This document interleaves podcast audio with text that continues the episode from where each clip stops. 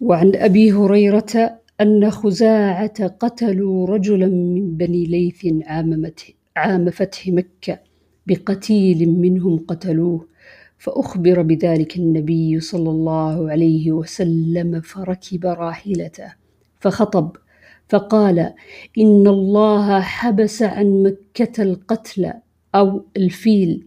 قال أبو عبد الله كذا. قال أبو نعيم وسلط عليهم رسول الله صلى الله عليه وسلم والمؤمنون. ألا وإنها لم تحل لأحد قبلي ولا تحل لأحد بعدي. ألا وإنها أحلت لي ساعة من نهار. ألا وإنها ساعتي هذه. حرام لا يختلى شوكها.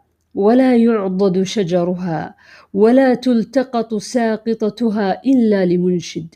فمن قتل فهو بخير النظرين إما أن يعقل وإما أن يقاد أهل القتيل. فجاء رجل من أهل اليمن فقال اكتب لي يا رسول الله. فقال اكتب اكتبوا لأبي فلان.